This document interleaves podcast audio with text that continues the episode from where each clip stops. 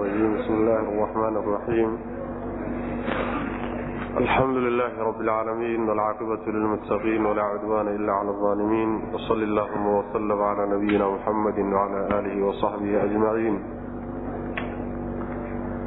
أما بعد فيقول سبحانه وتعالى إن الله اشترى من المؤمنين أنفسهم وأموالهم بأن لهم الجنة yuqaatiluuna fi sabiili illahi fayaqtuluuna wayuqtaluun wacdan calayhi xaqan fi ltwraati walinjiili wlqur'an wman awfaa bicahdihi min allah fastabshiruu bibaycikum aladii baayactum bih wadalika huwa alfawz alcaiim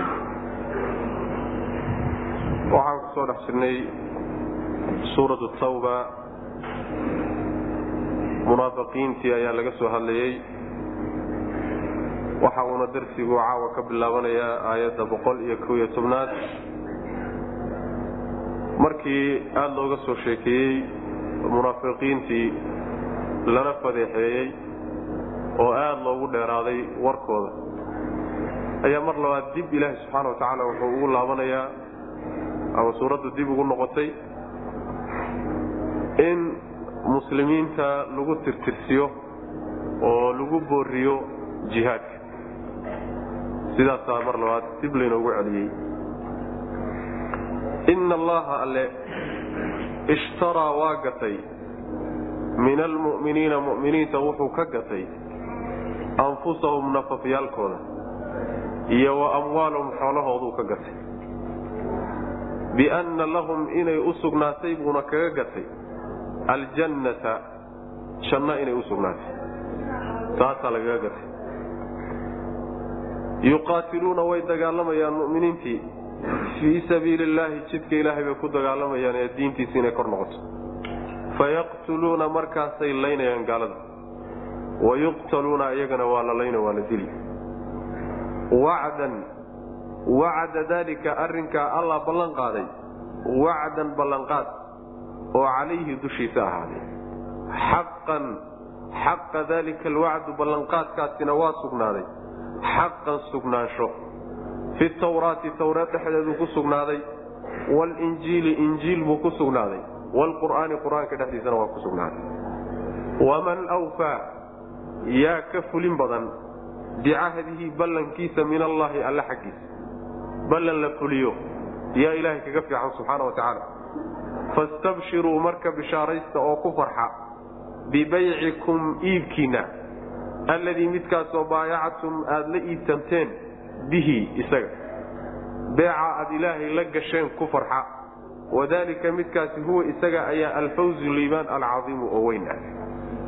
Yani waa usluub cajiiba wa yani asaaliibta uu qur'aanku isticmaalo markuu uu doonayo dadka inuu kiciyo.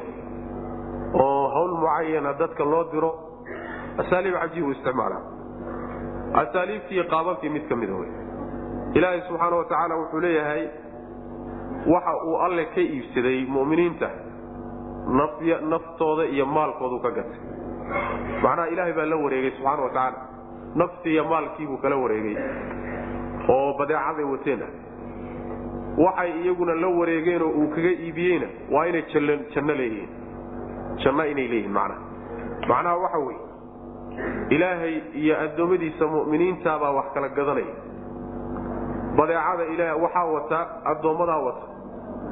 Rabbina subxaana wa tacaala lacagtii buu bixinayaa oo u wadaa.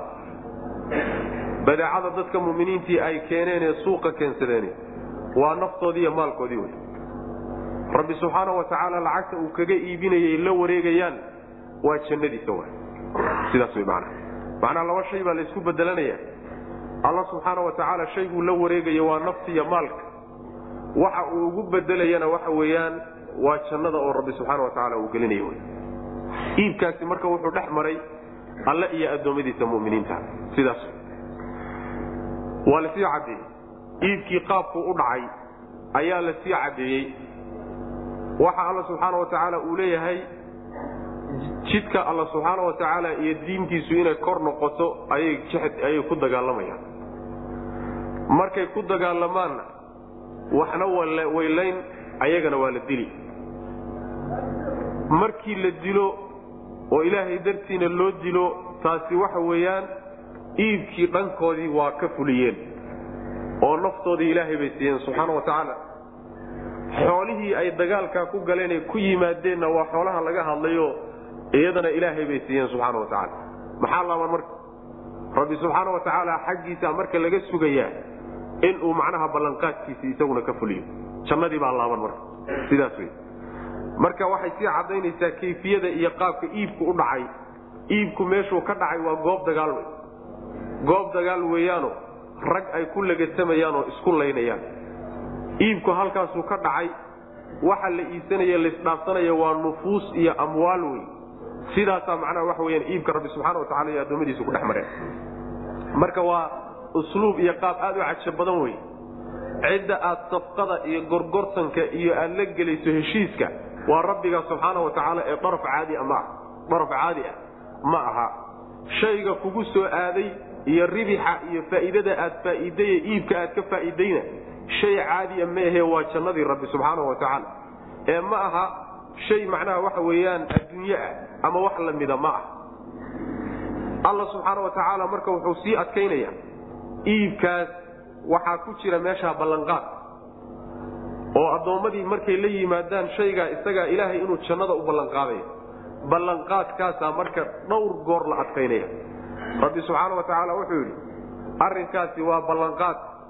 Alla uu ballan qaaday subxaana wa tacaala waana wax sugan eh wax iska beenbeen a ma ah maaweele iyo shay laysku qancinayo keliya maehe waa wax sugan. Taasi waa ta'kiid. Wacdan calayhi waa lagu adkeeyey. Xaqanna waa lagu adkeeyey. Intaa markii lagu adkeeyey kadib baa alla subxaana wa tacala wuxuu leeyahy ballanqaadkani weliba wuxuu ku yaalay oo uu ku sugnaa kutubtii ilaahay soo dejiye o dhan.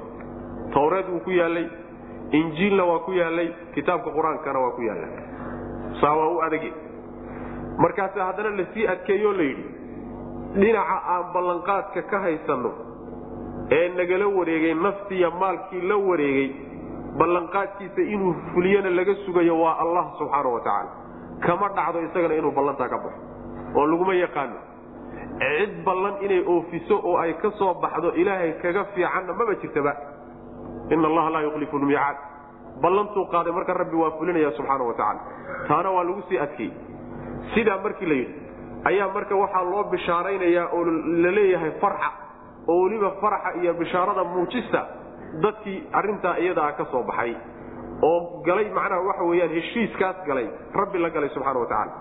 Marka iibkaa aad alla la iibtanteen iyo beeca aad ka gadateen naftiinna iyo maalkiinna aad ka gadateen ku farxa buu alla leeyahy subxaana wa tacaala oo bishaaraysta maxaa yeelay waa liibaan iyo guul weyn wey oo aan guulka weyne aysan jirin saasaa alla subxaana wa tacaala macnaha dadka muminiinta marka dagaalka ugu tirtirsiyey xadiid buuna nabigu sal lay wasalam uu leeyahay alla subxaana wa tacaala wuxuu damaano qaaday.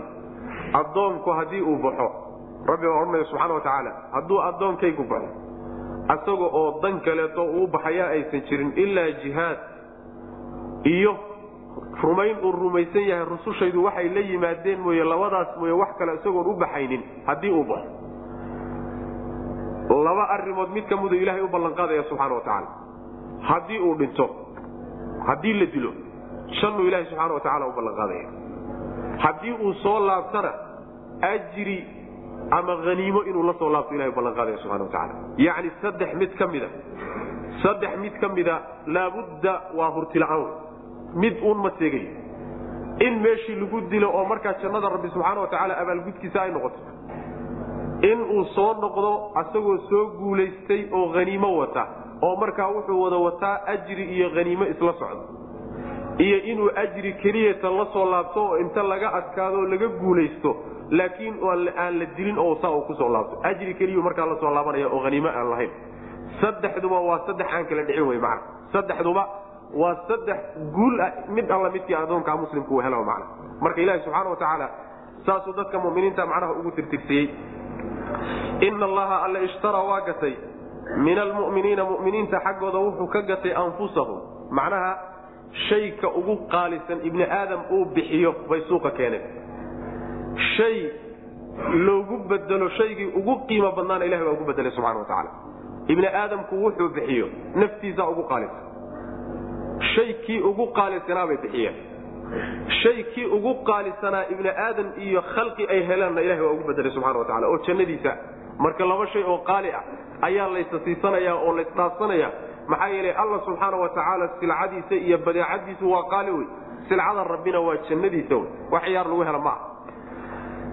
In allaha alla ishtaraa waa gatay min almuminiina muminiinta xaggooda wuxuu ka gatay anfusahum nafyaalkooda iyo amwaalahum xoolahooda wuxuu kaga gatay biana lahum inay u sugnaatay aljannata janno inay usugnaatay inay janno leeyihiin ayuu ilahay kaga gatay. Macnaha waa lacagtuu bixinayay lacagtu ilahi subxaana wa tacaala siinayay ee uu kaga gadanayay. Taa wey macnaha jannada inay leeyihiin.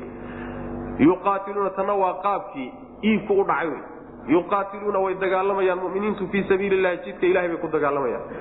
Fayaqtuluuna markaasay laynayaan. Wayuqtaluuna ayagana waa la layn yani waxbay dilayaan ayagana waa la dili macnaheedu ma aha unin mar walba inay iyagu guusha leeyihiin marar fara badan bay gacani gaadi gacantaa gaadhaysana ilaahay xikmuu ka leeyahayo wayatakida minkum shuhadaa meeshan inay ragi ku dhammaadaan oo rag ku tagaanba waa xikmo ilaahay awl oo ilaahay subxana watacaala dad uu xusho oo meesha uu ku doortaba waa xikmad jihaad ka mid wey. Wacdan wacda wuu yaboohay. Wacdan yaboohid calayhi dushiisa ahaa xaqa dalika alwacdu yaboohaasina waa sugnaaday xaqan sugnaasho. Tawraati yani fi tawraati tawraat dhexeeda ayuu ku sugnaaday. Walinjiili injiil buu ku sugnaaday iyo wlqur'aani kitaabka qur'aanka. Waa saddexdii kitaabee ugu waaweynaa. Kutubtu ilahay soo dejiyey subxana wa tacaala waman wfaa yaa ka fulin badan bicahdihi ballankiisa min allahi alla xaggiisa. Ballanqaad la qaado ballan la qaado cidda ka fulin badan ilaahay xaggiisa yaa waay ma jiro macna. Marka ballantuu ilaahay qaaday inuu fulin doono oo dhankiisa laga heli doono taasay ta'kiidinaysaa oo adkeynaysaa fastabshiruu marka bishaaraysta muminiintiiow bibaycikum iibkiina ku bishaaraysta. Alladii beycaasoo baayactum aad la iibsanteen bihi isaga. Beeca aad alla subxaana wa tacaala la iibsanteen ee idinkiiya alla idin dhex maray iibkaa isaga ah ku farxa buu alla leeya subxana wa tacaala oo ku bishaaraysta oo weliba muujista arrinkaa isaga wadalika midkaasaa huwa isaga keligiiba alfawzu liibaan ah alcadiimu oo weyn. Beeca noocaasoo kalea ood gasho ayaa liibaanta weyn een liibaani ka weynayn ah midaasuu rabbi subxaana wa tacala uu tilmaamaya altaa'ibuuna alcaabiduuna alxaamiduuna asaa'ixuuna alraakicuuna asaajiduuna alaamiruuna bilmacruuf wannaahuuna cani lmunkari walxaafiduuna lixuduud illah attaa'ibuuna hum mu'miniintaas ilaahay naftooda iyo xoolahooda uu ka gatee kala wareegay. Hum iyagu attaa'ibuuna waa kuwa soo noqda wey. Oo dunuubta ka soo laabta alcaabiduuna oo alla caabuda alxaamiduuna oo mahadiya. Alsaa'ixuuna oo sooma. Alraakicuuna ee rukuuca. Alsaajiduuna oo sujuuda. Alaamiruuna oo amra bilmacruufi wanaagga dadka fara wallaahuuna kuwa reeba weya cani lmunkari xumaanta reeba waalxaafiduuna kuwa ilaaliyo wey lixuduud illaah ilaahay xuduudda uu dejiye sharcigiisa ah kuwa ilaaliyo wey wabashir lmuminiina muminiintaas u bishaaree buu alla nabiga ku leeyahy salawatullah waslamu caleyh macnaha mu'miniintaasaa ilaahay sii tilmaamay dad badan si ayna u odhanin anigu mu'min baan ahay dagaallo fara badan oo la gelayo sharciga waafaqsanayna loo odhanin yacni waxa weeye waa jihaad sharci ah. Naftaydaan ilaahay ka gadanaya qolyahaa naftooda ilaahay ka iibsayee janno kaga gatay kuwa la sheegan kara ma ah kuwa nin walba uu iska sheegan kara ma ahe waa kuwa ilaahay tilmaamay subxana wa tacaala. Tilmaamahana marka laga bixiyey. Waa dad tawbad keeno wey. Dadka mu'miniinta ee mujaahidiinta waa dadka tawbad keeno dembi markay galaan aan ku madax adaygine alla u soo laabta subxaana wa tacaala. Saasaa lagu yaqaana yani dad dad qab iyo isla weynan iyo kibir iyo uu ku jira ma ahe. Waa dad garanaya mansiladooda iyo dacfigooda markay simbirixdaanna rabbi u soo laabta subxana wa tacaala. Saasaa lagu yaqaanaa. Sidii saxaabada nebiguba ay ahaayeen ridwaanullaahi calayhim oo markii ay khalad galaan yani inta badan dagaalada iyo duulaamadu marar fara badan waa la simbirixdaa oo khaladaad fara badan baa la galaa oo waxaa dhacda qaab aadan wax u wadin bay wax kaaga dhacaan. Marka kuwa tawbad keena mooyaan buu alla leeyahay subxaana wa tacaala oo ka soo laabta dunuubtooda. Horta taa waa ku tilmaaman yihiin dembigana ma daa'imaano niman dembigaba ku adkaysto ku madax adayga maaha waxaa kaloo ku tilmaaman yihiin waa dad caabidiin awey way cibaadaystaanoo rabbi bay u cibaadaystaan subxaana wa tacaala.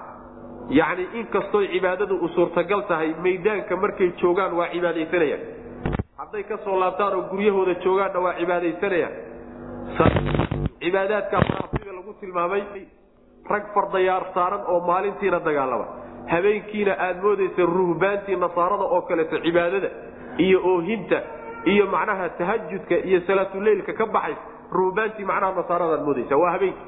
Waagu markuu beryana waxa weeye intay guntiga giijistaan ayay maydaanka iyo furinta taagan yihiinoo macnaha gaalada la laga tamaya. Sidaasay ahaan jireen saxaabada nabigu salawatullah wasalaamu calayh. Marka waxa weye alcaabiduun ilaahay bay caabudaano waa dad cibaadada badsado wey. Cibaadadii baa la sii kala dhigdhigoo qaybo ka mida la sii tilmaamay marka. Alxaamiduuna waa kuwa alla mahadiya.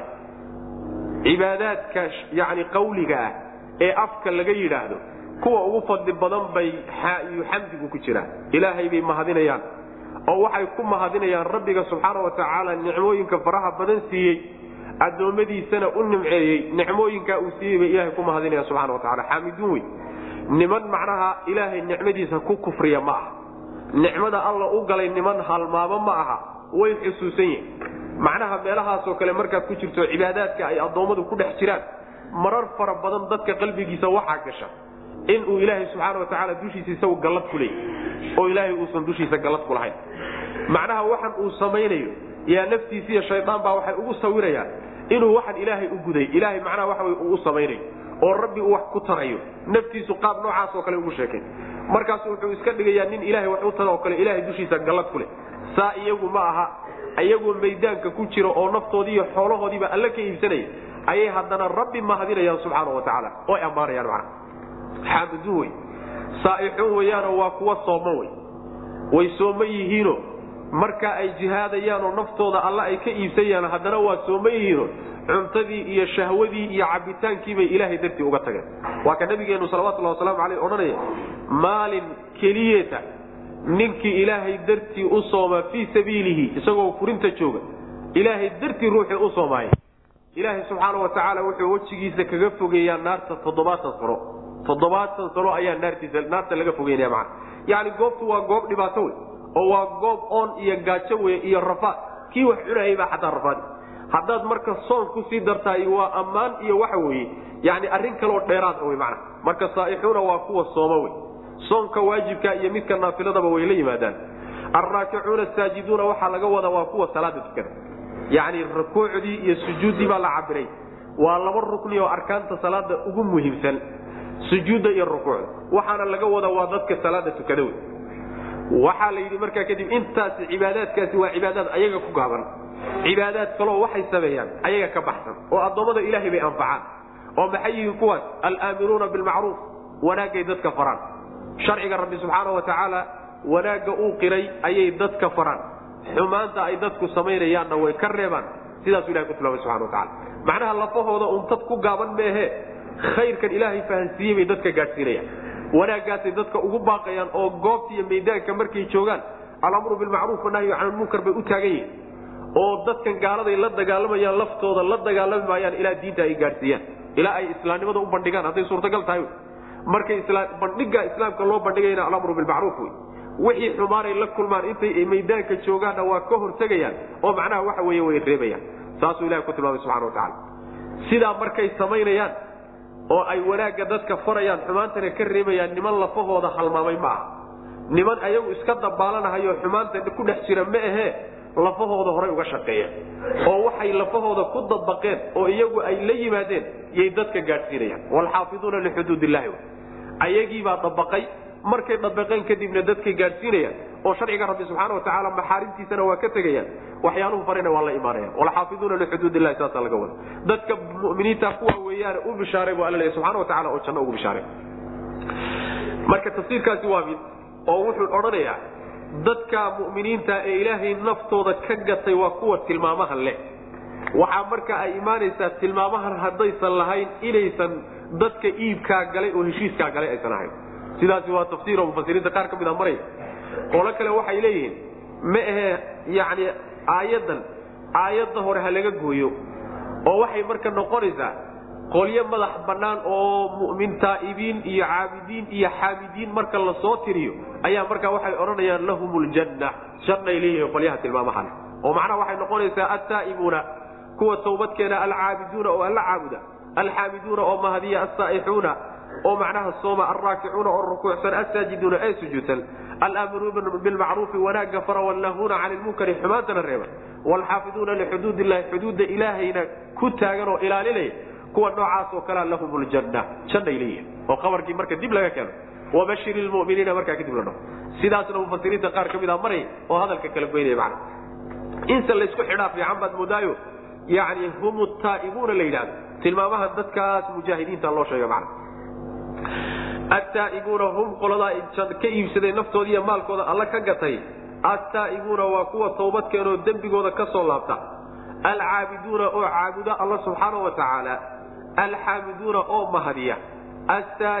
Asaaixuuna oo sooman. Soonkay la yimaadaan alraakicuuna oo rukuucsan assaajiduuna oo sujuudsan.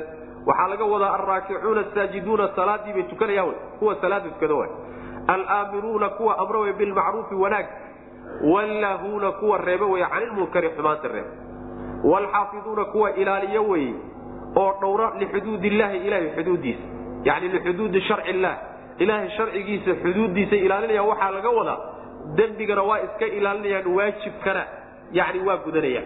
Xuduudda sharcigu ilaa waxa wey waa awaamirta iyo nawaahida wixii la farina waa la imaanaya wixii laga reebana waa ka hadhayaan xuduuddii ilahay bay saa u ilaalinayaan wabashir waxaad u bishaaraysaa almuminiina dadka muminiinta u bishaare marka ducaadu sidaas wy macnaha yani waxaad meesha marka ka garanaysaa in ay jihaadka iyo dacwadu ay mutalaazimaan yihiin maba kala maarmaanba sidaa daraaddeed buu shaykhulislaam ibnu taymiya iyo kayruhu ay leeyihiin yani jihaadku waxa weeyaan alamru bilmacruuf wanahyi can ilmunkar abwaabtiisa ta ugu sarraysa ta ugu sarraysa mafaahiimta khaldanee waayahan aad u faaftee waxaa ka mid a in laysku diro alamru bilmacruuf wanahyi can ilmunkar iyo jihaadka laysku diro.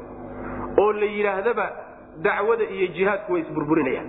Wax isburburinahayo iyo oo jihaad iyo dacwo la yidhahda ma jirte mujaahidka ayaa alaamiru bilmacruuf wanahyi can ilmunkar wanahyi can ilmunkar rabbi baa saa ku tilmaamay subxaana wa tacaala in aan kala faslino wuxuu ilaahay xidhiidhiyeyna waa waxaan sharciga ku furayn marka ninku ama goobta ha joogo furinta ha ku jiro magaalo ha joogo meel alla meeshuu dooni ha jooge alamru bilmacruuf wanahyi can ilmunkar waa mas'alo looga baahanya kolba tabarta iyo intuu awoodi kara ayuuna gudanaya. Cid walbana waxaa ka xiga tilmaanta iyada oo nin walba kale ruuxa mujaahidkaee maydaanka ku jira macna. Ilahay baa saa ku tilmaamay subxana watacala ma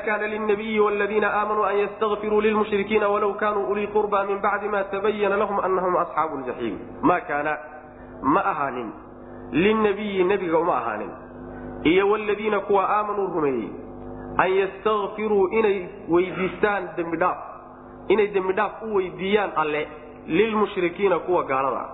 Walow kaanuu haba ahaadeen kuwaasi ulii qurbaa kuwa qaraasinimo u saaxiibaba ha noqdeen. Min bacdi maa tabayana markay u caddaatay kadib lahum mu'miniinta markay u caddaatay annahum kuwa mushrikiintii asxaabu ljaxiimi jaxiimo dadkeeda inay yihiin waxay ku soo degtay baa la leeyahay aayaddu nabigeenna salawatullahi wasalaamu calayh ayaa adeegkii abu aalib markuu geeriyoonayey u yimid. Nin oday oo aad u difaaci jiray na wuu ahaa oo runtii gacan weyn iyo yani kule dacwada nebiga salawatullah wasalaamu calayh kaalin weyn buu ka soo qaatay. Walow ilaahay daraaddii uusan u samaynayn ninkii nooca ahaabay markay geeridu ku soo xaadirtay yuu nebigu u yimi salawatullah waslamu calayh waxaa la fadhiya cabdullaahi bnu abi umaya iyo abu jahl. Waa laba odayo min ru'asaai lkufri ah. Markuu u galay nebigu salawatullahi wasalaamu calayhi awowgii oo adeerkii oo muxtadar ah oo ay geeridii ku xaadirtay ayuu markaa nebigu salawatullahi wasalaamu caleyh uu waaniyo wuxuu ku yidhi yaa cammi qul kelimatan qul laa ilaaha ila allah kelimatan axaaju laka biha cinda allah. Laa ilaaha ila allahu dheh kelimad aan ilaahay agtiisa yani kuugu xujaytamo oon ilaahay subxaana wa agtiisa kuugu shafaaca qaado. Kelimad noocaasa ii dheh abu jahl iyo cabdullaahi ibnu abi umaya oo la fadhiyey ayaa waxay yidhaahdeen ma diintii cabdilmualib baad ka tegi. Ma da'dan adoo jooga qabrina qarka u saaran miyaad diintii awowiyadaa aad hadda sida dhibka yar sidan dhibka yar uga tegi? Abu aalib marka wuxuu dhintay asagoo leh huwa calaa millati cabdilmualib diintii cabdilmualib isagoo le yaan haystaa isagoo leh ayuu markaa sidaa naftu kaga baxday. Markaasaa nebigu salawatullahi wasalaamu aleyh wuxuu yidhi liastakfiranna laka maa lam unha canhu. Waan kuu dembi dhaaf dalbiyo ilaahay baan dembi dhaaf ku weydiin haddaan arrinkaa la ii diidin. Aayaddanaa marka soo degtay nebiga loogu diidayo salawatullahi wasalaamu caleyh oo la leeyahay uma habboona nebi iyo dad mu'miniina midna inay ilaahay dembi dhaaf u weydiiyaan dadkii mushrikiinta ahaa. Walow dad ay qaraabo yihiinba ha ahaadeene. Haddaad doon qaraabtinimaha idinka dhaxayso adeerkaa ha ahaado aabbaha ha ahaado mushrik ilaah u dembi dhaaf inaad tidhahdahay arrinkaasi arrin u quman nebiga iyo mu'miniinta ma ah waa goormo goortaas.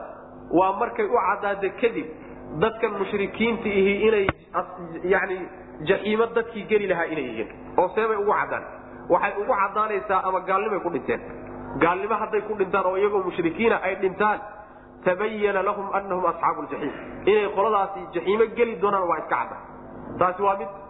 Ta waxaa la leeyahay yani waxay imaan doontaa maalinta qiyaamadana qawl kaleeta macana way caddaan doontaa macnaha marka jaxiimo la geeyo. Marka mar haddii ay gaalnimo ku dhintaan oo la hubsado inay gaalnimo ku dhintaan ilaahay dembi dhaaf looma weydiin karay. Waa loo diiday nabiga salawatullah waslamu aleyh waxaa kaloo soo degtay isla marka inaka laa tahdii man axbabta walaakina allaha yahdi man yashaa ciddaad jeceshahay ma hanuunin karti oo hanuunku wax gacantaada ku jira ma ah. Ilaahay baad sacidduu doono hanuunin. Oo rabbi baa subxaana watacaala addoommadiisa kala dooran adiguse gaadhsiiye unbaa tahay iyo caddeeye saasaa lagu yidhi nabiga salawatullah waslamu aleyh adeerkii abi aalib markaas halkaasu ku xijaabtay. Hadduu xijaabtayna nebigu wuxuu ka warramay salawatullahi wasalaamu aleyhi inuu naarta ku jiro. Oo la cadaabayo in uu ku arkay nebigu sal lay slam naarta salkeeda isagoo ku jira. Una shafeeco qaaday. Shafaacadii naarta salkeeda inta lagaga soo saaray. Meel macnaha waxa weeyaan naarta yani yani aan saa u sii dheerayn oo mool aan ahayn oo naarta gebigeeda ah meelahaasaa la keenay. Lugaha ayuu marka naarta kula jiraa intaa uu naarta kula jiro lugaha ayaa macnaha maskaxdiisu la karaysaa. Wuxuuse moodayaa. Wuxuu markaa is leeyahay ruux kaa cadaab badan ilaahay subxaana watacaala maba abuurinba baynamaa uu yahay inta ilaahay uu cadaabay ninka ugu cadaabiya saas way macnaha marka yani waxa weye qaabkaasaa loo cadaabiyo shafaacada nebigu sal lay waslam waxay u tartay un cadaabkii oo laga takfiifiyey laga fududeeyey oo keliya. Laakiin mushrik shafaaco loo qaaday oo cadaabka bilkuliya looga soo saari ma jiro. Nebi kasta u shafaaco qaada macnaha tantaasa xataa waxa weeye khafiifinta cadaabka laga khafiifinayo waa mas'ale abu aalib keliyata gooni ku ah. Oo aan macnaha waxa wey gaalada kaleeta la wadaagin. Si kasta haddii loogu shafaaco qaada gaalada shafaaca ma aqbalayso laga aqbali maayo cid walbo shafaaca la timaado. Maa kaana ma ahaanin linabiyi nebiga uma ahaanin iyo waladiina kuwii aamanuu uma haboono wey. Arrin u quman ma aha. Waa laga reebaya waa loo diidan yahy maa kaana ma ahaanin linabiyi nebiga wax u quman ma aha iyo waladiina kuwii aamanuu rumeeyey. An yastakfiruu inay dembi dhaaf alle u weydiiyaan. Lilmushrikiina gaalada inay ilahay dembi dhaaf u weydiiyaan walow kaanuu haba ahaadeen ulii qurba kuwa qaraabtinimo u saaxiiba haba ahaadeen kuwa aad qaraabatihiin haba ahaadeen mushrikiintaasi.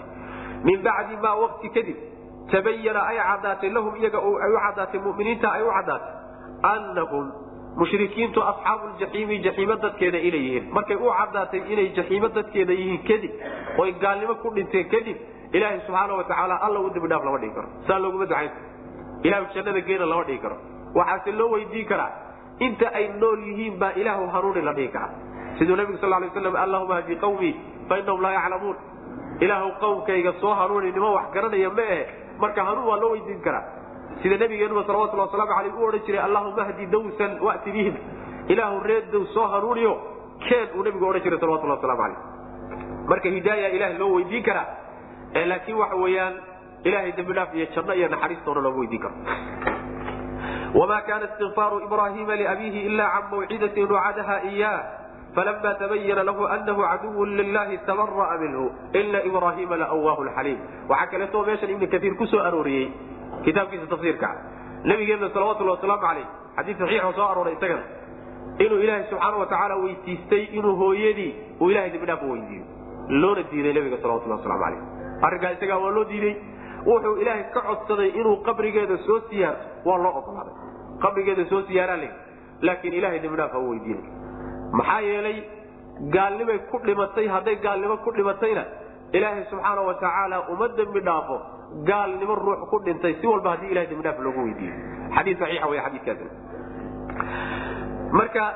yani mufasiriinta qaar dad yani culimada qaar ka mid a ayaa waxay leeyihiin nabiga sal alay waslam aabbihii iyo hooyadii iyo waa la soo nooreeyey oo markay dhinteen kadib inta loo soo nooleeyey oo ay rumeeyeen yaa sidaasi macnaha dad mu'miniina ku noqdeen oo ilahay jannada ku geynaya. Axaadiista noocaa ku soo aroortay wax sugan ma ah kulligeed waa wada daciif iyo wada mawduuc waaye.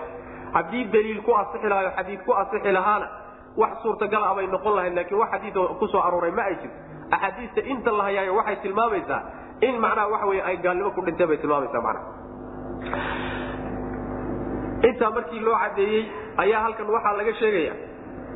Yacni nabiyullaahi ibraahim ayaa aabbihiioo gaalu ilaahay dembi dhaaf u weydiiyey. Oo maxaa loogu ogolaaday ibraahimba dadka qaar baa waxay xujaysan karaan nabiyullaahi ibraahim ba aabbihii aazar oo gaalnimo ku dhintay buu ilahay dembidhaaf u weydiiyey.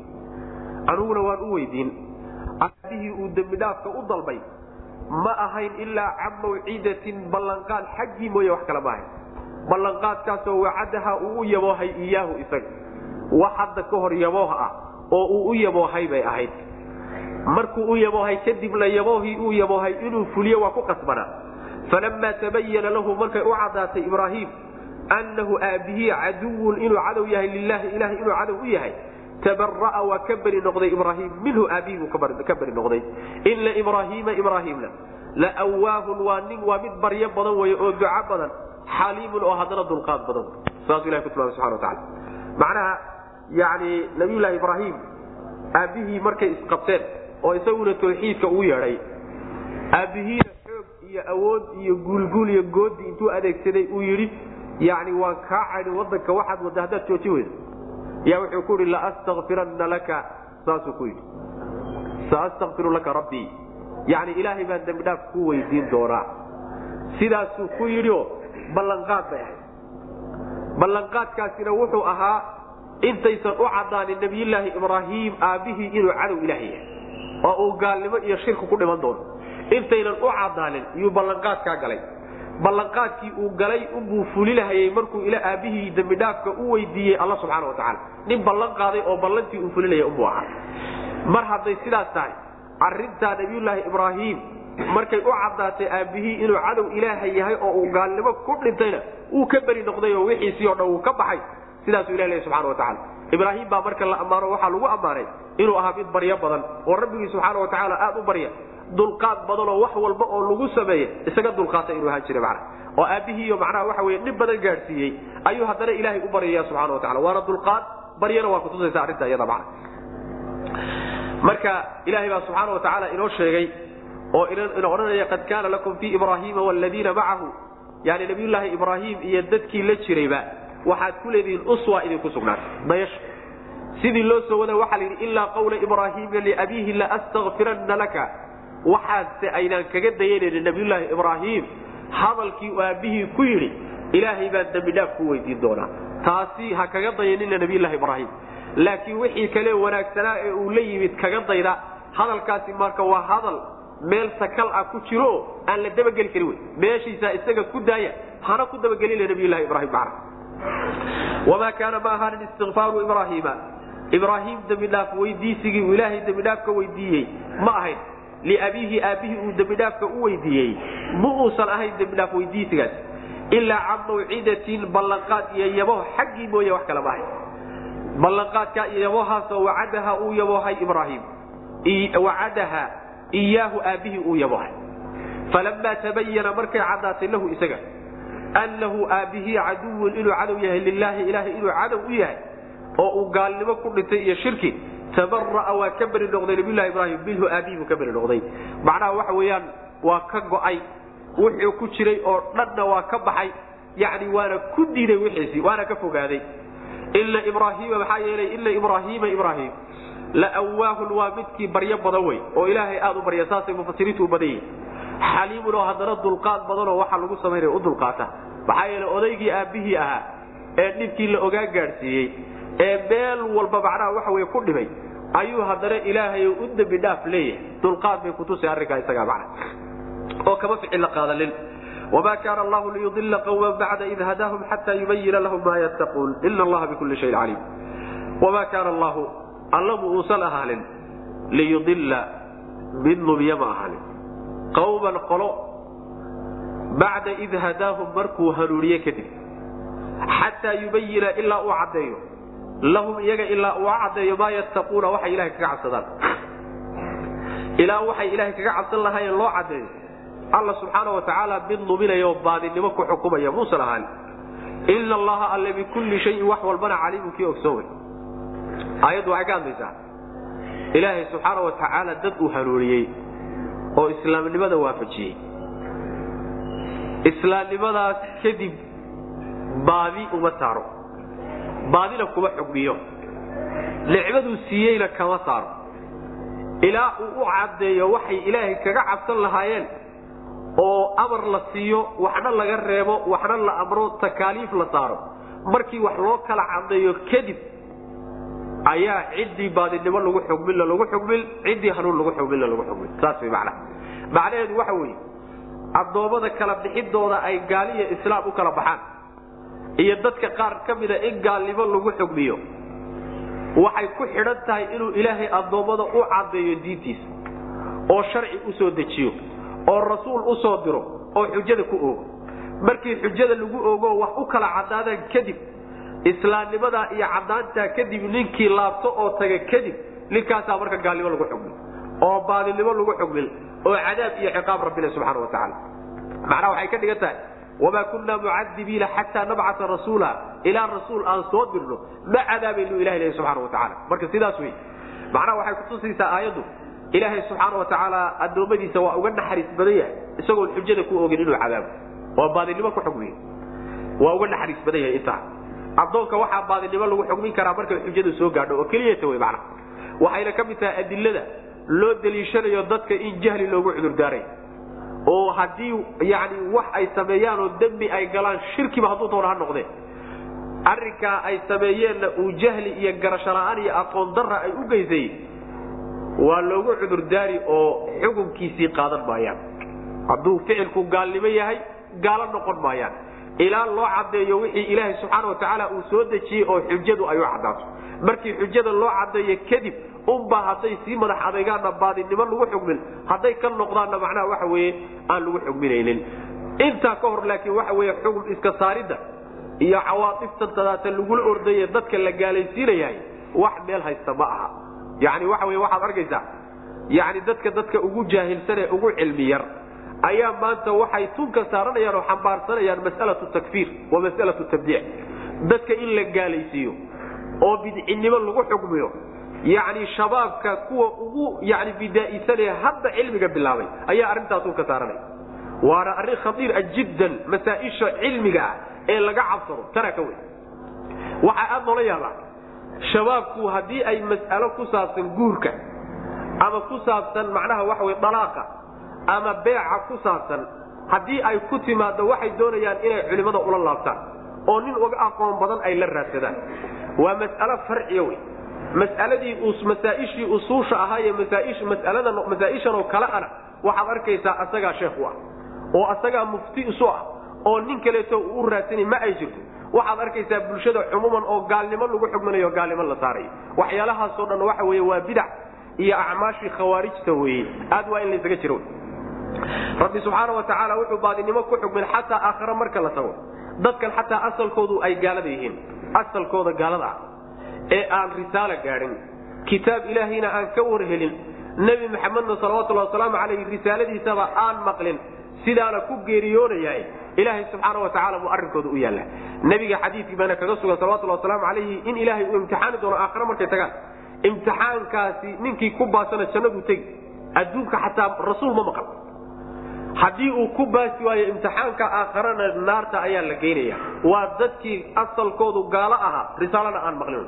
Ilaahay muu iska cadaaba markaba? Iskama cadaabay. Wamaa kunnaa mucadibiina xataa nabcata rasuula. Nabigeenuna salawatulhi wasalaamu calayhi waa ka odhanaya wallahi wladii nafsii biyadihi laa yasmacu bi yahuudiyun walaa nasraaniyun uma laa yuminu bi ila dakhala naar ima maqlo yahuudi iyo nasraani oo markaa kadib ima rumayn waayo ilaa naartuu gelaya samaaca ka horreeya waa inuu maqlo. Hadduusan maqlin oo weligiiba usan rasuulka maqlin shareecada islaamkana maqlin islaamna uusan maqlo saa ku geeriyoodaay ma aha macnaha waxa weye in toos naarta la isaga geynaye imtixaan baa la marinaya macna maxaad u malaynaysaa marka dad muslimiin ah oo asalkoodu muslimiin inay yihiin la hubo oo fitro ku dhashay oo tukanaya oo masaajidii imaanaya oo zakadii bixinaya oo sharcigii inay ku dhaqmaan diyaar u ah haddana maca daalika simbirraxanayo ama qubuurta tegaya ama sheekh hebel u yeedhanaya bijahlin.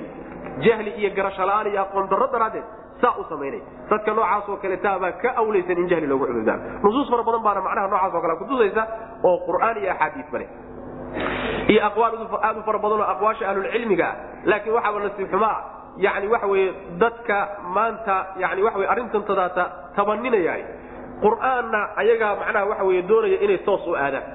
Axaadiista nebina sal lay waslam ayagaa doonaya inay toos u aadaan. Aqwaalu ahlilcilmi iyo tafsiiraadkoodii iyo dad danaynaya ma aha.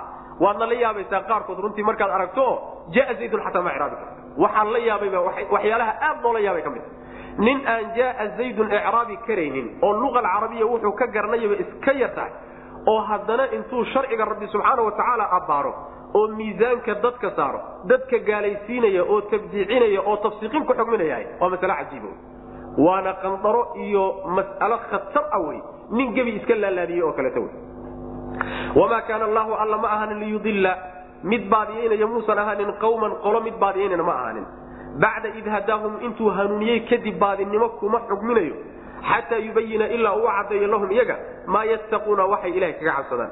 Ilaa loo caddeeyo waxay alla kaga cabsan lahaayeeno amar la siiyo waxna laga reebo takaaliif la saaro. Markaa kadib unbaa baadinimo lagu xugmin ina allaha alle bikulli shayin wax walba caliimu ka ogwey ina allaha alle lahu alla waxaa u sugnaaday mulku samaawaati samaawaadka boqortooyadooda waalardi iyo dhulka boqortooyadiisa.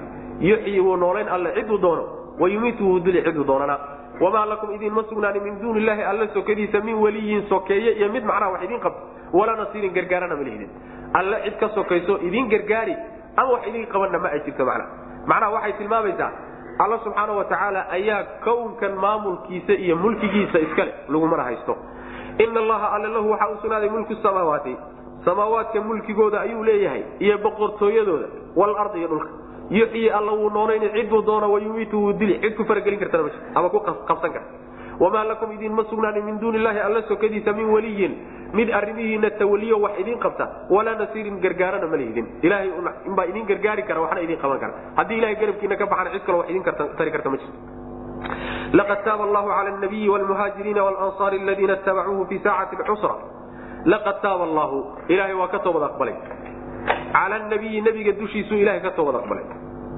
wlmuhaajiriina iyo nimankii hijrooday walansaari iyo nimankii gargaaray alladiina kuwaasoo ittabacuuhu raacay nebiga fii saacati lcusrati cidhiidhiga saacadiisa waktigii cidhiidhiga iyo adayga nimankii raacay nabiga sal lay slam min bacdi maa wakti kadib kaada ay sigtay yaziiqu inuu ay macnaha iilato quluubu fariiqin koox qalbigood inay iilato oo minhum iyaga ka mid. Qolada raacday nebiga sal lay wasalam xilligii adkaa. Xilligaasoo weliba ay qaar ayaga ka mida quluubtoodu sigtay oy qarka u istaagtay inay leexato oy baydho macna. Uma markaa kadibna taaba calayhim ilaahay tawbadda ayuu waafajiyey. Maxaa yeelay innahu alle bihim iyaga ra'uufun waa midkii u turid badan wey raxiimun oo u naxariis badan wey macnaha waxa weye dagaalkii tabuuk oo ay suuraddu ka soo warramaysa. Kaas ayaa waxoogaa dhacdooyin ah khaladaad yaa dhacay. Dagaalku waa cuslaa. Wuuna adkaa. Ciidanka la aadahayey ee lagu socday ee lala dagaalamayay dawlad weyn buu ahaa. Oo wax saalan maaha dawladdii imberatoriyadii ruum ayuu dagaalku ahaa oo lagu socday xilliguna xilli adag buu ahaa soo sheegnayo. Xilli hooskii iyo midhihiiba bislaadeen. Qoraxduna aad u kulushahay. Abaar daranna ay jirto jidkuna u dheeryahay xilligaa isaga ah markuu nebigu salawatulli wasalaamu aleyh muslimiinta ku yidhi diyaargarooba waan duulaynahay waxoogaa waxaa dhacday dad badan ayaa qalbigooda waxaa ku dhashay war xilligan xilli la duula amuusan ahayn. War xilligan maa dagaalka nalaga nalaga daayo bal waxoogaa aan kabane war jihadana la qaabiliyey iyo nimankan haddana lagu wadayo waa nimankii yani dawladaha ugu xoog badnaaye maana laga daayo oo xoogaagaasaa dadka quluubtooda galgalay. Qaar badan waxay ku sigteen inay nebiga ka hadhaan salawatullahi wasalaamu caleyh oo duulaankaa kaga hadhaan. Wixii meeshaa ka dhacay ee khaladaad ahaa ama intay jidka sii hayeenba ka dhacay ama soo noqodkoodiiba ka dhacay ilaahay inuu ka toobad aqbalay oo u dembi dhaafay buu aayada ku tilmaamaya macna marka nebiga sal lay waslam ilaahay baa ka toobad aqbalay oo nebiguma dembi buu galay. Culimada qaar waxay leeyihiin mufasiriinta laqad taaba allahu nebiga waxaa meeshan loogu sheegay mujarad magaciisa unbaa la barakaysanaya. Yani gogoldhigad waay qaskasku waa qolada dambe muhaajiriinta iyo ansaarta waay laakiin isagu waa uu lagu gogol xaadhanhayaayo hadalka unbaa araar ahaan baa loo sii maraya. Sidaasi qolaa odhanaysa. Waxay la mid tahay waclamuu anamaa hanimtum min shayin faana lilaahi khumusahu ana lilaahi halkaasa ku soo marnay ayadana mufasiriinta qaar baa waxay leeyihiin lilaahi ilaahay haniimada wax looga goyn ma jirte hadalkiisa meesha waxaa loo keenay litabaruk yani in la barakaysto ujeedadu laakiin waa qaybaha dambe sidaa mufasiriinta qaar baa odhanaya qaarna waxay leeyihiin nebiga waxaa la leeyahay waa laga toobad aqbalay waxa weeye ilaahay subxaana wa tacaala tawbadii ayuu daa'imiyey. Oo weligood muslimiinta iyo nebiguba nebigu waa toobad keeni jiray salawatulhi wasalaamu calayhi. Tawbadii uu wadi jiray buu ilaahay daa'imiyey. Muhaajiriintana tawbadii ay wadi jireen buu ilaahay u daa'imiyey. Ansaartana tawbadii baa loo daa'imiyey. Sidaana qolyaa odhanaya. Qolo kalena waxay odhanayaan yani laqad taaba allahu cala nabiyi nebiga salawatulhi waslamu aleyh waa inagii soo marnay. Inuu munaafiqiintii dagaalka inay ka hadhaan rabay qaar ka mida inuu fasaxay oo inay iska hadhaan u ogolaaday ayadoo ay fiicnayd inuusan u ogolaanin ilaa uu ka kala ogaado dadka daacadda iyo dadka aan daacadda ahayn. Fasaxa inuu bixiyo waa laga fiicnaa. Waa inagii xagga ku soo marnay cafa allahu canka lima adinta lahum xataa yatabayana laka aladiina sadaquu wataclam alkaadibiin marka nebigu salawatulhi wasalaamu aleyh wuxuu sameeyey waxyaalo laga fiicanye khilaafu lwlaa ayuu sameeyey. Waxyaalaha wey waxyaalaha la leeyahay. Ilaha subxaana watacala waa kuu dhaaf. Saan xaggaba u soo marnay macana muhaajiriinta iyo ansaarta iyagana ilaahay subxaana watacaala ayaa ka toobad aqbalay oo waxay galeen oo dhan hadday noqon lahayd qaar damcay inay hadhaan iyo hadday noqon lahayd intay jidka ku sii jireen waxoogaa simbirixooyin oo ka yimid. Kulli ilahi subxaana watacala waa u dhaaf.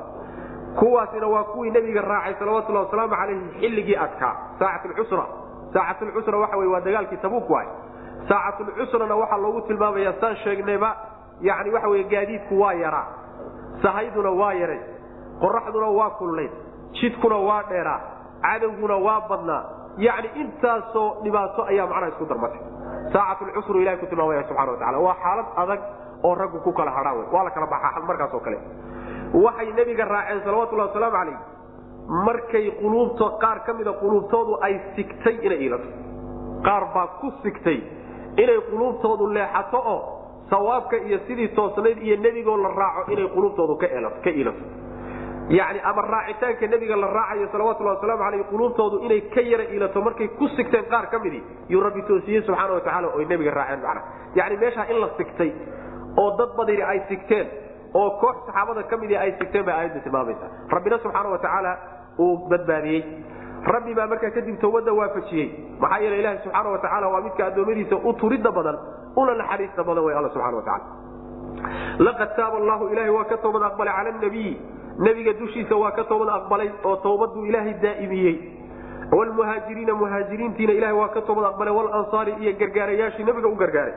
Aladiina muhaajiriinta iyo ansaartaasoo ittabacuuhu nabiga raacay fii saacati lcusrati cidhiidhiga saacadeed yani saacadii cidhiidhiga iyo adayg saacadii adkayd saacadda wati baa laga hada waktigii adkaa ee cidhiidhiga ahaa nimankii nabiga raacay salawatullah waslamu aleyh min bacdi ma maa kaada min bacdi maa kaada markay sigtay kadib yaziiqu inay simbiraxato quluubu fariiqin koox quluubteed inay simbiraxato markay sigtay kadib oo minhum ayaga ka mida ayay nebiga raaceen salawatullah waslamu aleyh qaar iyaga ka mida quluubtoodu markay ku sigatay inay simbiraxato leexato ayay nebiga raaceen salawatullah waslamu aleyh uma markaa kadib taaba calayhim ilahay waa ka toobad aqbalay.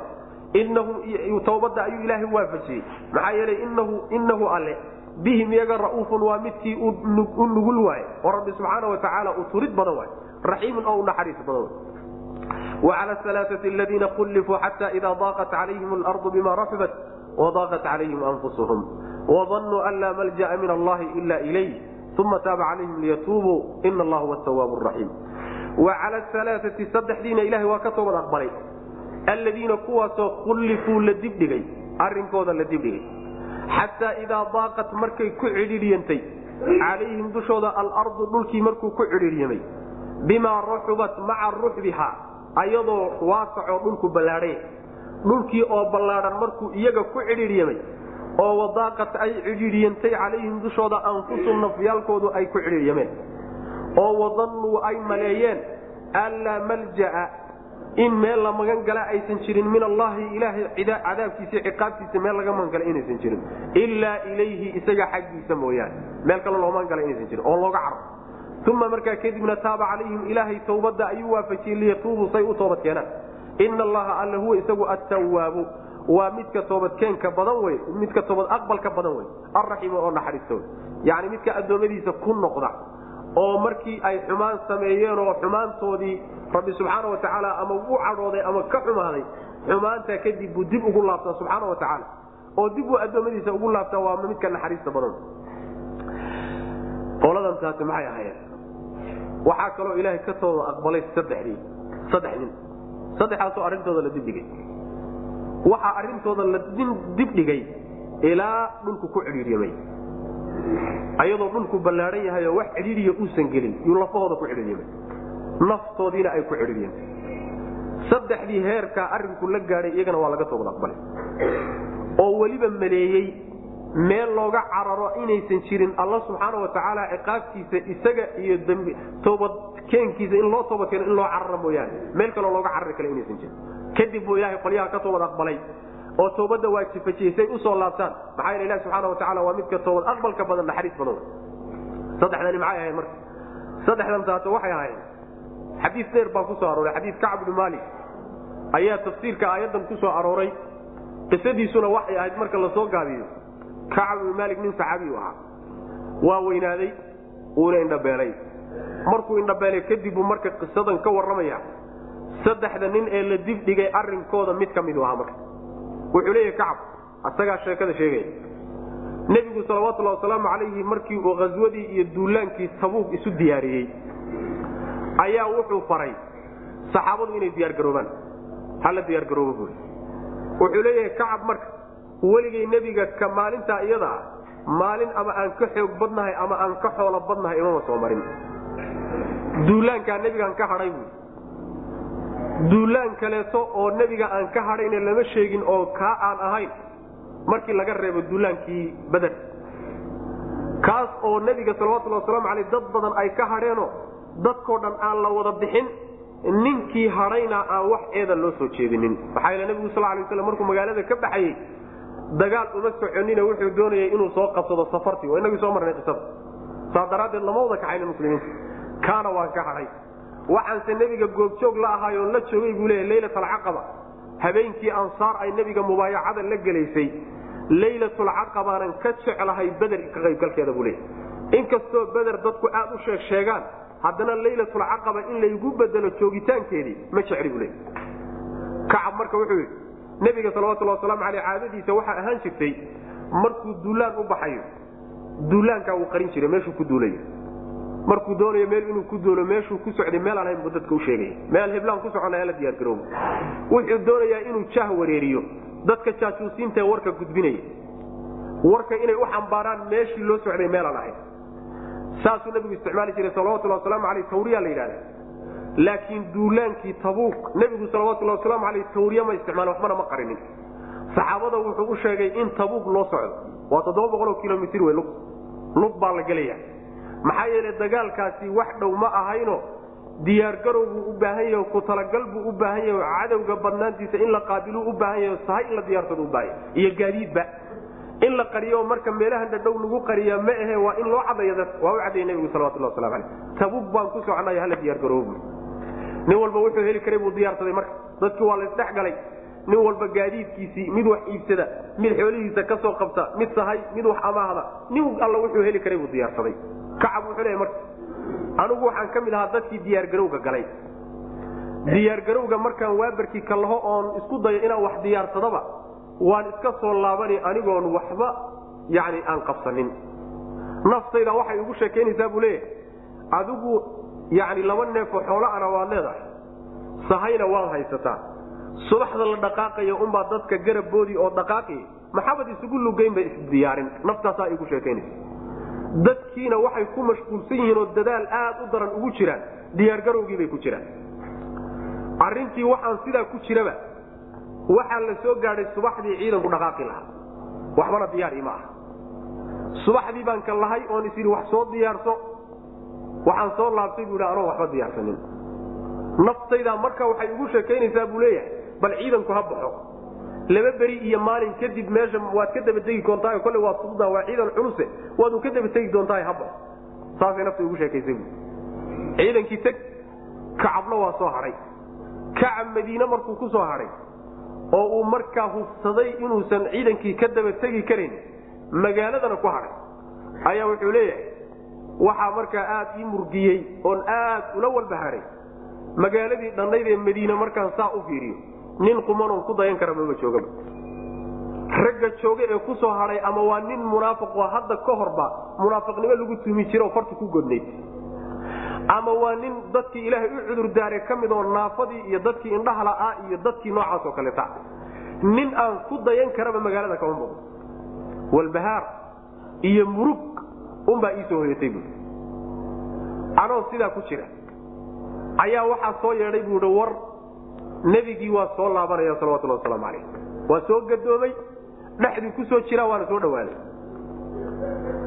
markaasaa waxaan bilaabay buu idhi inaan bal isku dayo xeeladii nebiga aan kaga baxsan lahaa. Iyo warkii aan u sheegi lahaa been baan marka ururiyey buui been yacnii qaabkii uu u cudur daaran lahaa been badan buu isku xidhxidhay oo aftahannimo iyo afminshaarnimo ku jirto wax badanna ay been ka tahay beentii markaan isku ururiyey weliba keligay kuma gaabsanina nin walba oo lagu tuhmahayo inuu nin yani waxa wey xeeladna uu yahay oo nin aftahana uu yahay ayaan la kaashado igu bal niyo ila qabqabo ila toostoosi. Waxbaa layla toostoosiyeyo meeshana waxoogaa dhigtay bu waxoogaa beena anoo ii urursan tahay baa waxaa la yidhi bui nebigu soo galayba sal alay waslam magaaladuuba joogaa. Markaan intaa maqlay yaa waxaan been ururinahayo dhan baa iga kala firay dhabi kala yaacday laba xabba iskuma aadin karo. Go'aan waxaan qaatay buui markaa inaan nebiga salawatulli wasalaamu calayhi run mooyaane wax kale inaan u sheegin.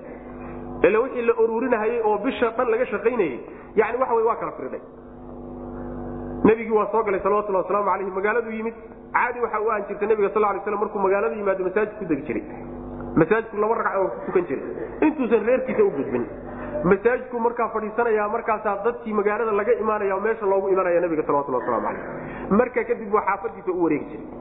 Masaajidkiibuu nabigu fadhiistay markaasaa waxaa u yimid munaafiqiintii dagaalka ka hadhay ayaa mid mid nabiga u yimid salawatulli waslamu calayh ayagoo u cudur daaranay. Nebiguna cudurdaarkoodii waa ka aqbalay. Wixii qalbigooda ku jira ay qarsanayaanna ilaahay buu u xil saaray. Waxay u muujisteenna waa ka aqbalay ilaahay buuna dembi dhaaf u weydiiyey. Dhowr iyo sideetan nin wey raggaas oo munaafiqiin kacab wuxuu leeyahay marka sidaa xaalku markuu yahay baa nebiga u soo galay salawatulli wasalaamu calayh markaan u imid ayuu nebigu salawatullahi wasalaamu calayh horaanna ma tabin nebigu ma uusan tabin kacab ilaa uu ka tegey tabuug ilaa uu ka gaadhay meeshii lagu socday ilaa la gaadhay muusan tabin maxaa yeele ciidankaa aad u fara badnaa. Aad ciidan u badan buu ahaa. Wuxuu leeyahay kacab ciidankaasi ciidan uu diiwaan ama macnaha waxa weye register uu koobi karayo magacyahooda haddii lagu qoro ma ahayn. Farabadnaantiisa nin walbaoo isku daya inuu dhuuntana wuxuuba ku fikiri karaa inuu dhuuman karo hadduusan waxay ku soo degin oo aan la tabi karin. Nebigu marka kacab muusan tabin ilaa uu tabuu ka tegey markuu tabuu tegey buu i war kacab aawe. Ayna kacab ibnu maalik buu nabigu i salawatullah waslamu aleyh kacab aawe. Nin marka reer bani salama wuxuu yidhi nebi allow ninkaasi waa nin xarago badano xaragadiisi iyo dhinac fiirfiirintiisa intuu isfiirfiirinayay buu hadhay mucaad ibnu jabal baa la hadlo wuxuu ku yidhi mucaad baa la hadlay oo wuxuu ku yidhi bisa maa qulta waxaa tidhi baa xun. Hadal xun baad ku hadashay. Wuxuu yidhi nebi allow ilaahay baan ku dhaartay waxaan wanaag ahayn kuma ogin ninkaa isaga. Wanaag un baan ku ogeyn markii noogu dambaysay yani wuu difaacay. Kacab marka nebigaan u imid buui salawatullah waslamu aleyh markuu i arkayba nebigu waa muusooday sida ruux cadhaysanoo kuu cadhaysan uu u dhoolla cadeeyo oo kaleeto. Yacni muusood xanaaq iyo cadha ku jirtu yuu muusooday markaasuu yidhi kaale waa u imid waan soo fadhiistay halkan hortayda soo fadhiisu yidhi markaasaa wuxuu yidhi maxaa ku reebay ood uga hadhay duulaanka soo maadan gaadiid haysanin. Oo sahay maadan haysanin waa laga warhayay. Haabu. Wuxuu yidhi nebi allow warkayga si fiican u dhegeyso ilaahay baan ku dhaartay horta wuxuu yidhi nin aan adiga ahayn maanta haddaan hor fadhiisan lahaa waxaan is leeyahay cudurdaar beenbeena inaan kaga bixi lahaa oon kaga fakan lahaa horta rumaysna.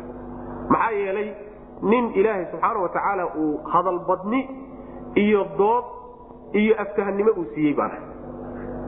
Nin kasta oo dhan adiga ahayna aftahanimaan ku qarqin lahaa.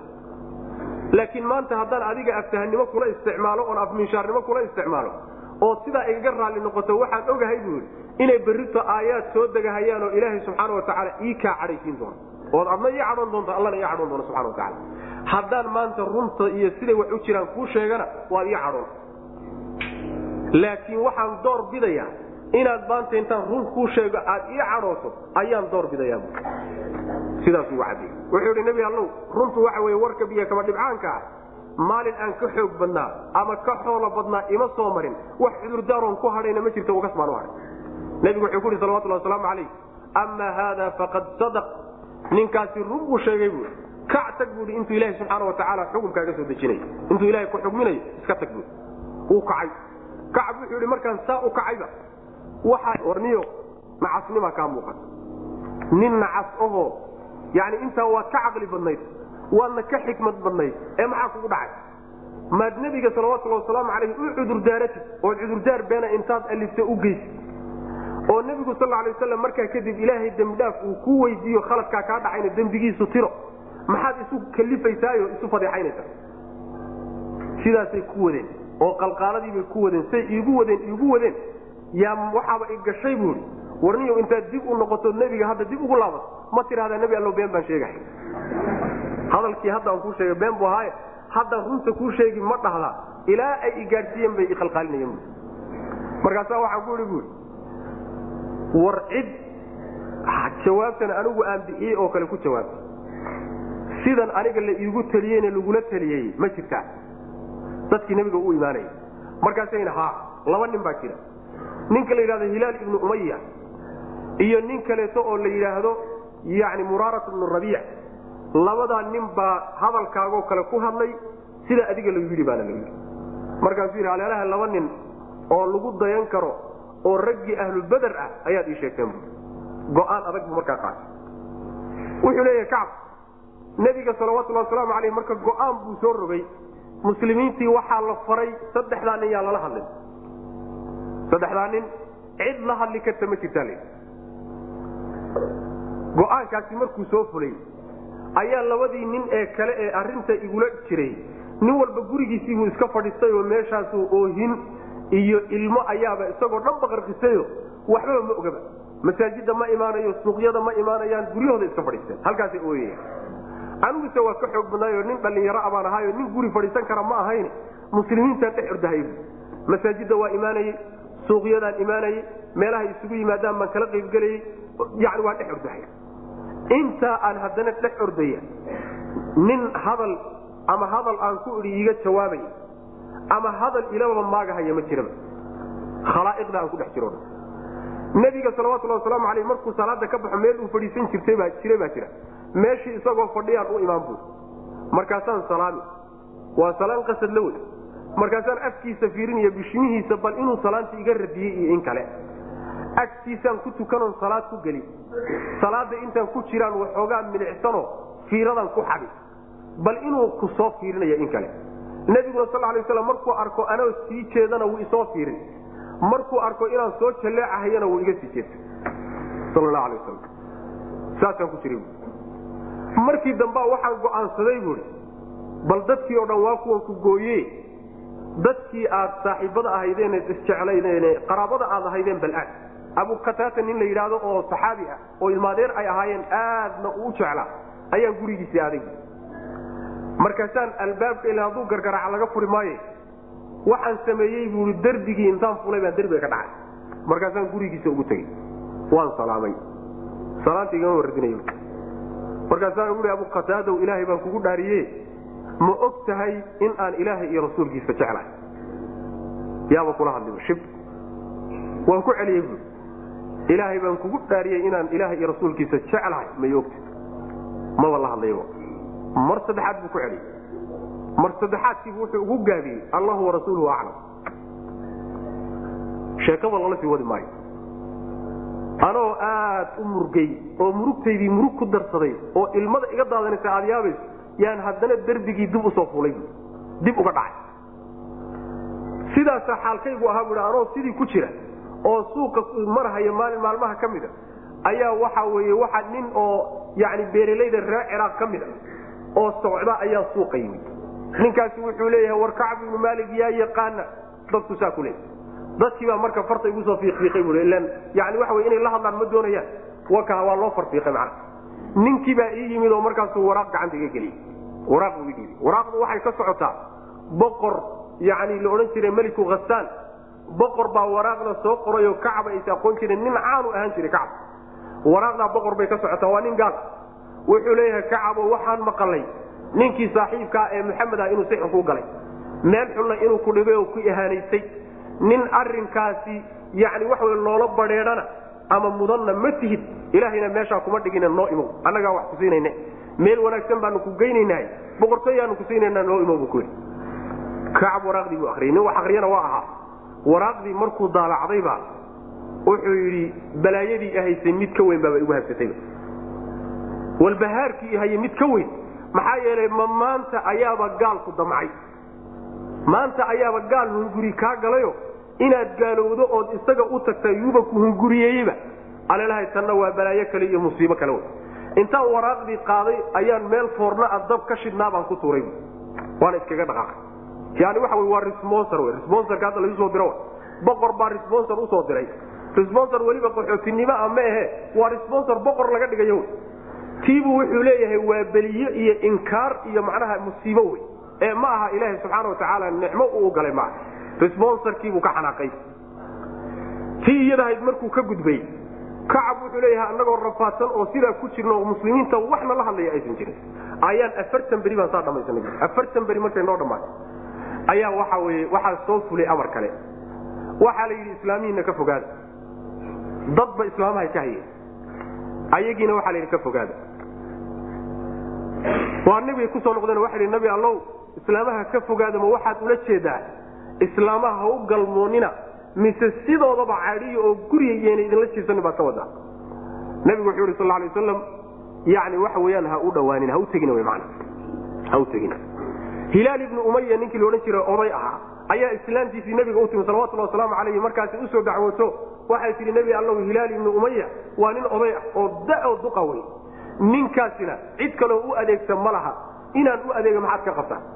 Nebigu wuxuu yihi salawatulhi waslamu aleh waxba kama qabee laakiin yuusan ku taabanin oo kuhunguriyeyn waxay tii nebi allow nin waxaasi ku jiraanba ma ah waaba nin tabarba ma hayo oo maalintii arrintani soo yeedhay ilaa yawmina haada duqnimadii waxaa u dheer oo hin iyo wixba ku jira macnaha waxa weye murug iyo walbahaarku ku jira kacab baa marka loo tegey markii ninkan islaamtiisi loo fasaxay kacabna markii la islaamaha ka fogaadaba islaamtiisi wuxuu kax reerkiini aad. Reerkoodiibu u diray. Hadhow baa loo yimid oo waxaa la yidhi war ninkii hilaal ibnu umaya la odhan jirayba islaamtiisii intay soo dacwootay baa loo fasaxay maad nebiga u tagtay oo dhahdii islaamteeda nebiga hala ii ogolaada anigana. Wuxuu yidhi war u tegi maayo iga daayay maxaa yeelay bui wax yani la iigu talin doono. Maxaa i ogeysiye waxaaba laga yaabaa waxaan doonayo in ciqaab ka weynba laysaaraa laga yaaba marka inta hadday igaga ekaato waa wax weyn bu mana waxba weydiisan maayo. Meesheeda iga jir meesheediiyo meel ka dheer. Kacab sidiiba marka islaantii kaga maqnay. Raggii toban beri oo dambe ayay islaamahoodii kala maqnaayeen. Kii ay la joogtana far saari maayo. Kii ay ka maqan tahayna de waaba ka maqan tahay konton beri markay u dhammaystirantay ayuu ilahi subxaana watacaala marka soo dejiyey. Wacala alaaati aladiina khullifuu xata ida daaqat calayhim alardu bima raxubat wadaaqat calayhim anfusuhum wadanuu an laa malja'a min allahi ila ilayh. Uma taaba calayh aayaadkaasaa marka soo degey ilaahi subxaana watacaala uu kaga towad aqbalayo saddexdii nin ee arrinkoodu la dibdhigay. Waa kacab iyo raggiisii kacab marka wuxuu leeyahay subax subxaa ka mid a anigoo salaada subax guri dushii ku tukaday ayaa waxaan maqlay buu dhawaq baxay oo odhanaya yaa kacb ibnu maalikin abshir war kacabow bishaarayso. Markaasaan ogaaday buui ilaahi subxaana watacaala inuu faraj furay oo waxii soo degay. Sujuudu shukri baa la dhacay. Ninkii dhawaaqahayay markuu isoo gaadhay malaha markuu waxyigii soo dego nabigu salawatulhi waslamu aleyh aayaadkan uu saxaabada ku akriyay salaada subxana la tukaday ayaa waxaa loo orotomay raggii in la gaadhsiiyo oo loo tahniyadeeyo. Ilahi subxaana watacala toobadda uu ka aqbalay xagga kacab marka waxaa u soo orotomay ninna faras buu ku soo orday ninna lugtiisu ku soo orday ninkii lugta ku soo orday baa markuu cabaar soo ordahay ayuu intuu buur fulay ayuu markaa dhawaaqay. Wuxuu yihi war kacabow bishaarayso. Hadalkiisaa marka soo gaadhay dhawaqiisii baa soo gaadhay kacab wuxuu leeyahay ninkii isagaa markuu ii yimid waxaan marye qabay oo dhan baan u siiyey. Qaadaan idhi maadaama uu ii tahniyadeeyey bishaarada uu ii keenay daraaddeed baan siiyey. Maryo kaleba ma lahayne intaa un baaban marye ka naxay. Markaasaan maryo kale soo caariyeystay. Nebigaan u imid salawatullahi wasalaamu calayh. Intaan jidka ku soo jiro muslimiintiibaa ila kulmayo jidka igula kulmayo koox koox ayagoo ah ayagoo igu tahniyadaynaya ilahi subxaana watacala toobadu naga aqbalay nebigaan u imid salawatullah wasalaamu calayh. Markaasuu nebigu wuxuu ihi salawatullah wasalaamu calayhi ya kacbu abshir bikhayri yawmin mara calayka min min yawmin waladatka ummuka. Maalintii kuugu fiicnayd maalinku soo marta laga soo bilaabo maalintii hooyadaa ku dhashay maalinka kuugu fiicnaa ku bishaaraysa buu yidhi nabigu salawatullah waslamu calayh. Markaasaa waxaa idhi bu yidhi aminka ya rasuul allah am min allah ma ilaahay xaggiisay ka timid mise adiga xaggaaga markaasuu nabigu salawatullah waslamu alayh wuxuu ihi bal min allah. Xagga allay ka timid buu ihi markii bishaarada loogu bishaareeyey wuxuu ihi ilaahayow nebiyow waxaa ballan iga ah maadaama ilaahay subxaana watacaala uu run igu badbaadiyey oo uu sidii munaafiqiintii kale oo kaleete beenta sheegtay rabbi iga badbaadiyey waxaa ballan iga ah maanta kadib inaanan been sheegin. Kacab markaa uu da-yahay sheekada uu sheegayo oo uu duqoobo indhabeelay wuxuu leeyahay maalinkaa maalinkaas wixii ka dambeeyey weligay been ma sheegin bu maxaa yeele ilahi subxaana watacaala run buu ku badbaadiyey. Ta kale wuxuu ihi nebi allow xoolahayga oo dhan baa sadaqa oon baxsanaya. Ilaahay subxaana watacaala shukrikiisa oon gudanaya. Nabigu salawatullah waslamu aleyh qaarna baxsa qaarna la hadh buuri aayaadkana marka almuhim lagaga toobad aqbalay raggii saddexda ahaa. Qisadaasa marka waxa way fasiraysa saddexdan ilahi subxana watacala uu ka toobad aqbalay. Wa cala alaaati saddexdii dushoodana ilaahay waa ka toobad aqbalay. Khullifuu la dibdhigay. Dibdhigani ma aha. Dagaalkii ay ka dibbareen dagaalkay ka hadheen lagama wado khullifuuda. Ee waxaa laga wadaa khullifuuda yacni arrinkoodii markiiba nebiga ay u yimaadeen go'aan lagama gaadhine waa la dibdhigo waxaa la yidhi intuu ilaahay arrintiina ka xugminayo suga. Saasaa arrinkooda loo dibdhigay konton beri baa la dibdhigay kadibna waata toobaddu soo degaysa marka. Xataa idaa daaqad ilaa ay kaga cidhiiryantay ayaa arrinkooda la dibdhigay calayhim dushooda alardu dhulkiibaa ku cidhiiryamay bimaa raxubat maca ruxbihaa iyadoo weliba waasaca. Yaan dhulkaa ku cidhiiryamay waxaa laga wadaa. Kacab baa sheegaya wuxuu leeyahay waxaad moodaa buu yidhi. Bulshadii markii ay nala hadli weyday dhulkiibaa isbedelay dhulku dhulkaan naqaanayba ma aha. Dhulkaan ku dhashay ee aan ku soo barbaarayba ma aha. Ilaan dhulku wuxuu dhulkuugu yahay dadka aad ku dhex jirto. Ee aad la hadlayso ee kula hadlayo ee la haasaawayso ee kula haasaawaya wax kaa gadanaya yuu dhulku dhulkuugu yahay. Haddii khalaa'iqdaasi maanta ay kaa aamuso nairobi nairobi ku ahaan mayso. Mid kaleo ma isu bedeli. Dhulkao dhan baa kugu xidhiyami marka wuxuu leeyahay dhulkii oo ballaadhan baa anigii yaa ku cidhiiryama iyaga. Wadaaqat waxaa cidhiiryantay calayhim dushooda anfusuhum nafyaalkooda ilaa ay ku cidhiiryantay nafta ku cidhiiryantay iyaduna waxa weye yacni murugtii iyo walbahaarkii iyo dhibkii haystay bay naftoodii cidhiiri gashay macna. Wadannuu ilaa ay ka hubsadeen anlaa malja daniga bimacnaa yaqiin we wadannuu ilaa ay ka hubsadeen anlaa malja'a meel loo baxsado ama la magan inaysan jirin. Min allahi ilaahay looga baxsado oo laga magan galo ilaa ilayhi isaga mooyaane.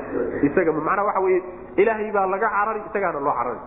Maxaa laga cararaya? Ciqaabta xaggiisa ka imaanaysaa laga carariyo makfiradiisa iyo dembi dhaafkiisa iyo jannadiisa loo carari isagaa laga carari isagaana loo carari. Isagaa laga magangeli isagaana la magangeli saas mana uma markaa kadibna taaba ilahay waa ka toobad aqbalay calayhim dushooda toobadii ayuu waafajiyey raggii saddexdaha liyatuubuu si ay u toobad keenaan. Ina allaha alle huwa tawaabu wa midka toobad aqbalka badan wey alraxiimu oo naxariis badan wey. Yaa ayuha aladiina kuwa aamanuu rumeeyeyo ittaquu llaha alla ka cabsada. Wa kunuu waxaad ahaataan maca saadiqiina kuwa runta sheega noqda.